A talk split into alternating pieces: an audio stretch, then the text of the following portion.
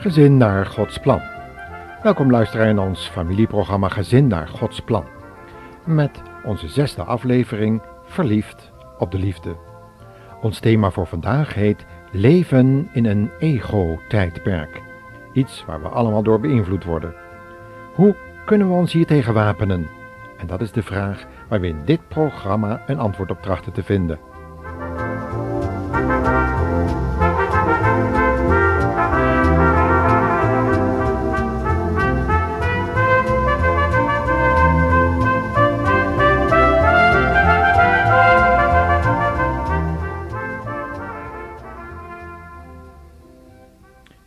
Jezus worstelde met de gedachte aan het lijden wat hem wachtte, kwam er een aspect van zijn menselijke natuur naar voren waarin we ons allemaal herkennen. Het gaat om de plaats en de functie van onze menselijke wil. Veel theologen van naam hebben in de voorbije eeuwen en ook nu nog hun toehoorders voorgehouden dat ze een zogenaamde vrije wil hadden. De grote reformator Luther en ook Calvijn hebben zich echter hevig tegen deze gedachte verzet, omdat zij in de schrift en ook in de praktijk het tegendeel hebben gevonden. De mens heeft een gebonden wil, zoals Luther het later zou zeggen. Iedereen begrijpt wat hij hiermee bedoelt. Als we de leer van Christus, zoals die in onder andere de brief aan de Romeinen voorkomt, hebben gelezen, hebben overwogen en ervaren, dan zullen we hem gelijk geven. En dat wel om de volgende reden. Wanneer wij een vrije wil zouden hebben, zou Paulus de gelovigen van zijn tijd nooit dat gedeelte uit Romeinen 7 hebben voorgehouden. Want juist in dat gedeelte gaat het over de ervaring die elk mens kent.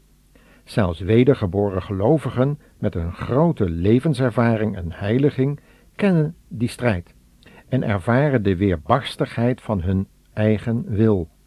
Ze komen er namelijk achter dat hun wilsvermogens niet zo vrij zijn als ze wel zouden willen.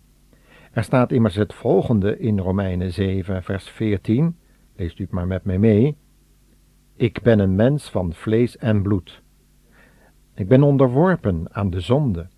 Mijn doen en laten zijn voor mijzelf een raadsel, want ik doe niet wat ik graag wil. Nee, ik doe juist dingen waar ik een afschuwelijke hekel aan heb. Hier zien we dus dat onze wil, zelfs als we nieuw leven van God hebben, doordat we de Heer Jezus hebben aangenomen, niet vrij, maar gebonden is. Natuurlijk doet God een beroep op onze wil. En we mogen ook een beroep op elkaar doen, om te kiezen.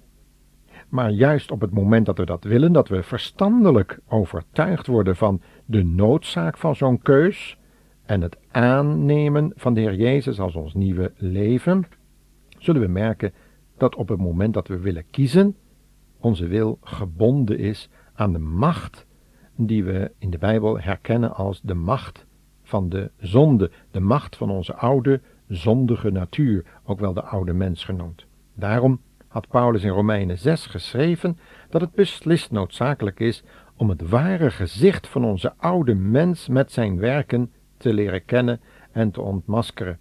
Want als wij die leren kennen, dan zullen we zien dat we leven in een ego-tijdperk en dat wij zelf er behoorlijk door beïnvloed zijn.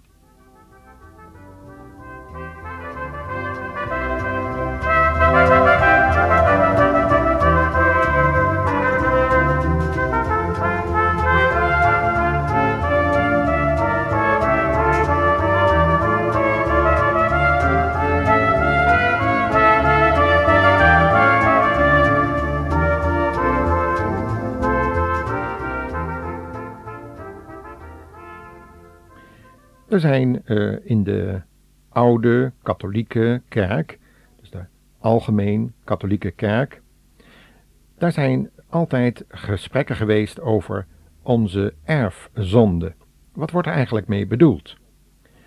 Er wordt het volgende mee bedoeld dat ieder kind wat geboren wordt te maken heeft met de macht van de zonde.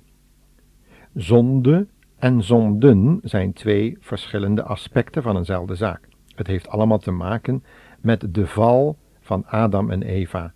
Het wegvallen achter Gods wil vandaan en toevallen naar de wil van Satan, die al altijd geprobeerd heeft God gelijk te zijn en daar de mensen in wilde meetrekken en dat is hem ook gelukt. Nu moeten we opnieuw kiezen. God zoekt de mens gelukkig in zijn genade weer op en doet een beroep op onze wil. Maar God wist wel dat onze wil gebonden is en daar komt ieder kind achter. Zodra we onze kinderen immers in de opvoeding iets verbieden, dan krijgen we een confrontatie met de eigen wil van het kind. En dat is beslist niet zo zoals wij zouden willen als opvoeders. En zo gaat het met de geestelijke lessen ook.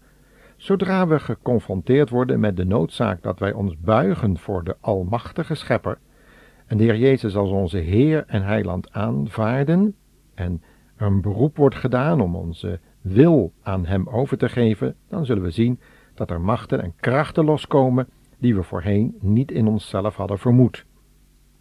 Onze wil is van nature aan de oude mens gebonden, leert Paulus in Romeinen 6, en volkomen verkeerd georiënteerd.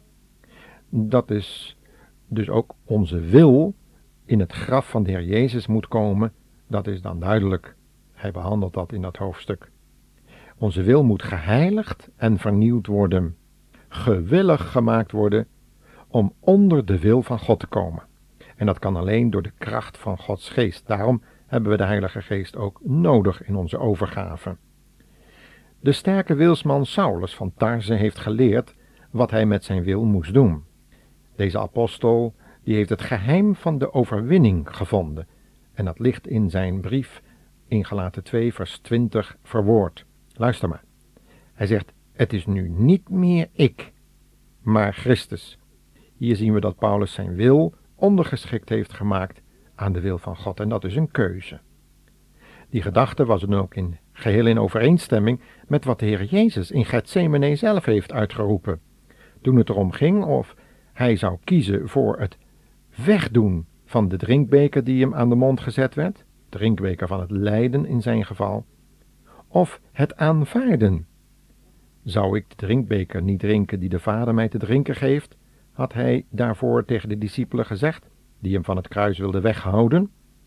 En daarom zei de Heer Jezus, al worstelend met zijn eigen menselijke natuur, menselijke natuur wil helemaal geen lijden, niet mijn wil, maar uw wil geschieden, Vader.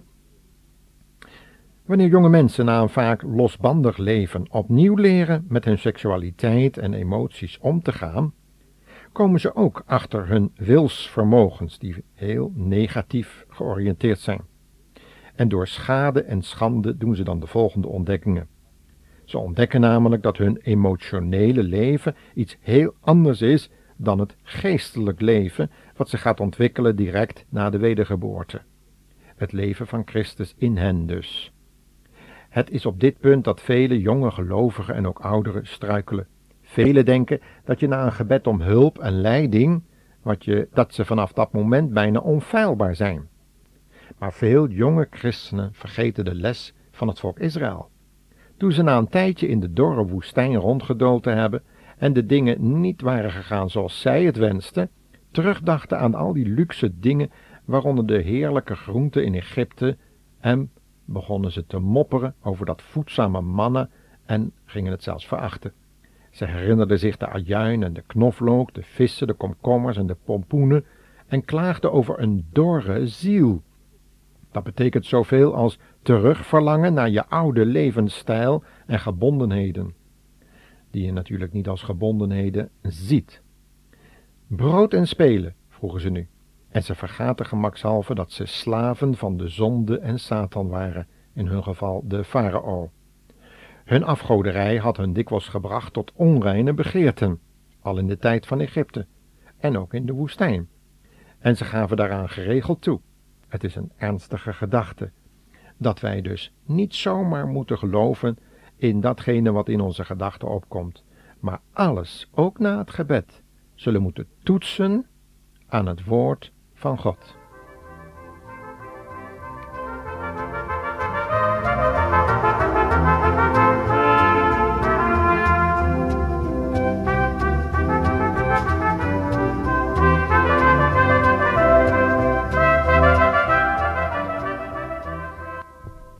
Thema leven in een ego-tijdperk past ook de, het onderzoek naar het verschil tussen verliefdheid en liefde. En het beste is om ook hierin de kracht van de eigen wil, eigenlijk beter gezegd de gebonden wil, duidelijk te maken uit de geschiedenis van prins Amnon, een van de zonen van David.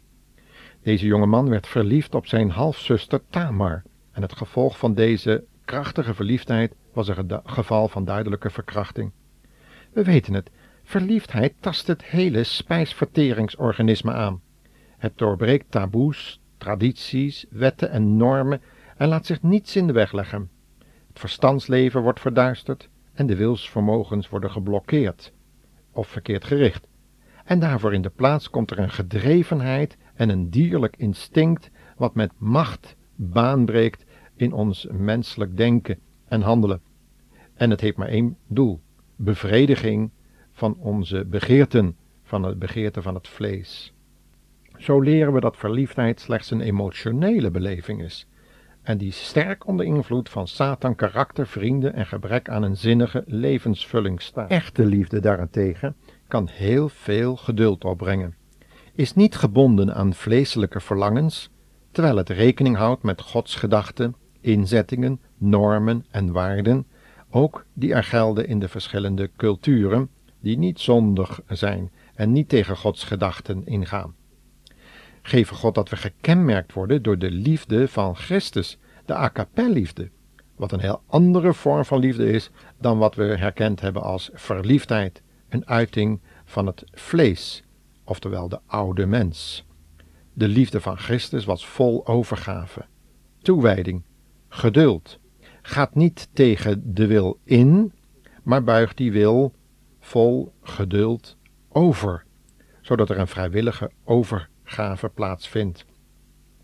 Nu we onze eigen wilsvermogens op de juiste plaats hebben gezet, onder die van Christus dus, kunnen we dus wel zeggen dat God mensen nooit behandelt als voorwerpen, gebruiksvoorwerpen.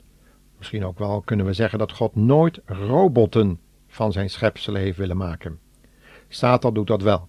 Hij doet dat namelijk op de volgende manier: door het verstand uit te schakelen en de wil volledig te binden aan zijn wil. En dat door inbreuk te doen op onze persoonlijkheid. Natuurlijk doet hij door middel van verleidende technieken een beroep op onze wil, maar hij breekt in. Hij gaat soms zelfs tegen onze wil in, zoals de macht van de zonde ook tegen de vernieuwde wil ingaat. En we steeds weer moeten kiezen om bij de Heer Jezus te horen wanneer we de verleiding weer eens tegenkomen in ons leven. Dat is dus een belangrijk verschil tussen het werk van Satan, die dus de mensen onder invloed brengt, je zou bijna kunnen zeggen onder hypnose, en door allerlei transcendente meditatievormen, door yoga, door zogenaamde geestelijke verlichting, waarbij je het verstandsleven moet uitschakelen en je helemaal moet openstellen voor emotionele invloeden, eigenlijk geestelijke invloeden buiten onze eigen geest om. Steeds weer kiezen dus. Wel erg belangrijk om onze wil onder die van de Heer Jezus te leggen. Daarom zegt de Heer Jezus: Mijn zoon, mijn dochter, geef mij uw hart. Als we kiezen voor de Heer Jezus, dan zullen we zeker merken dat God voor ons gekozen heeft in de Heer Jezus. En dan zal Hij Zijn naam beleiden in de hemel voor de Vader en zijn heilige engelen. En spoedig zullen we de kracht en de hulp van Gods geest ervaren in ons leven. Geven God de luisteraar deze overgave van de wil. Dan leven we nog steeds in een ego-tijdperk. Maar u bent gericht op het doen van de wil van God. Het is uw spijzen, net als van de Heer Jezus gezegd werd, om de wil van de Hemelse Vader te doen. Geef God dat we dus daardoor gekenmerkt worden.